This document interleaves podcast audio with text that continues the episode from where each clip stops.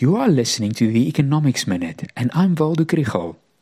This week, a number of important forecasts and indicators will be published, and economists are keeping a keen eye on them.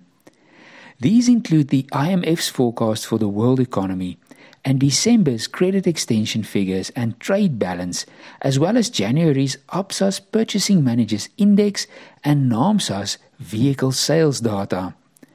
All this will give us clues about the outlook for the year ahead.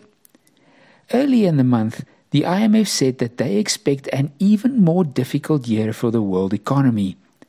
The economies of the US, Europe, and China, which usually drives economic growth, have struggled at the same time last year. There is some uncertainty about what interest rates, energy prices, and COVID, respectively, have in store for them this year. How the global economy is doing is reflected in South Africa's trade balance figures. Last October, there was a trade balance deficit, and in November, a surplus.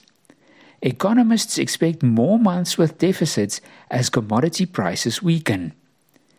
The credit extension data will tell us more about how households are doing. Bankserv Africa's take home pay index showed last week that the purchasing power of household income is less than a year ago.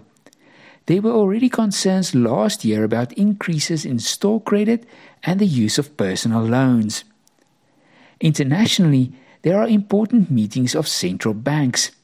Hopefully, their interest rate decisions will be that of smaller increases.